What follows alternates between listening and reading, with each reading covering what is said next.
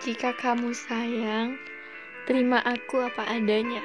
Jangan memaksa, jangan menuntut. Aku juga tidak mau dikekang. Kita sama-sama manusia. Kita sama-sama punya orang lain dalam hidup kita.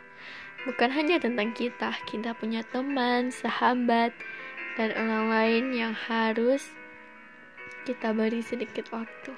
Aku mohon pengertianmu.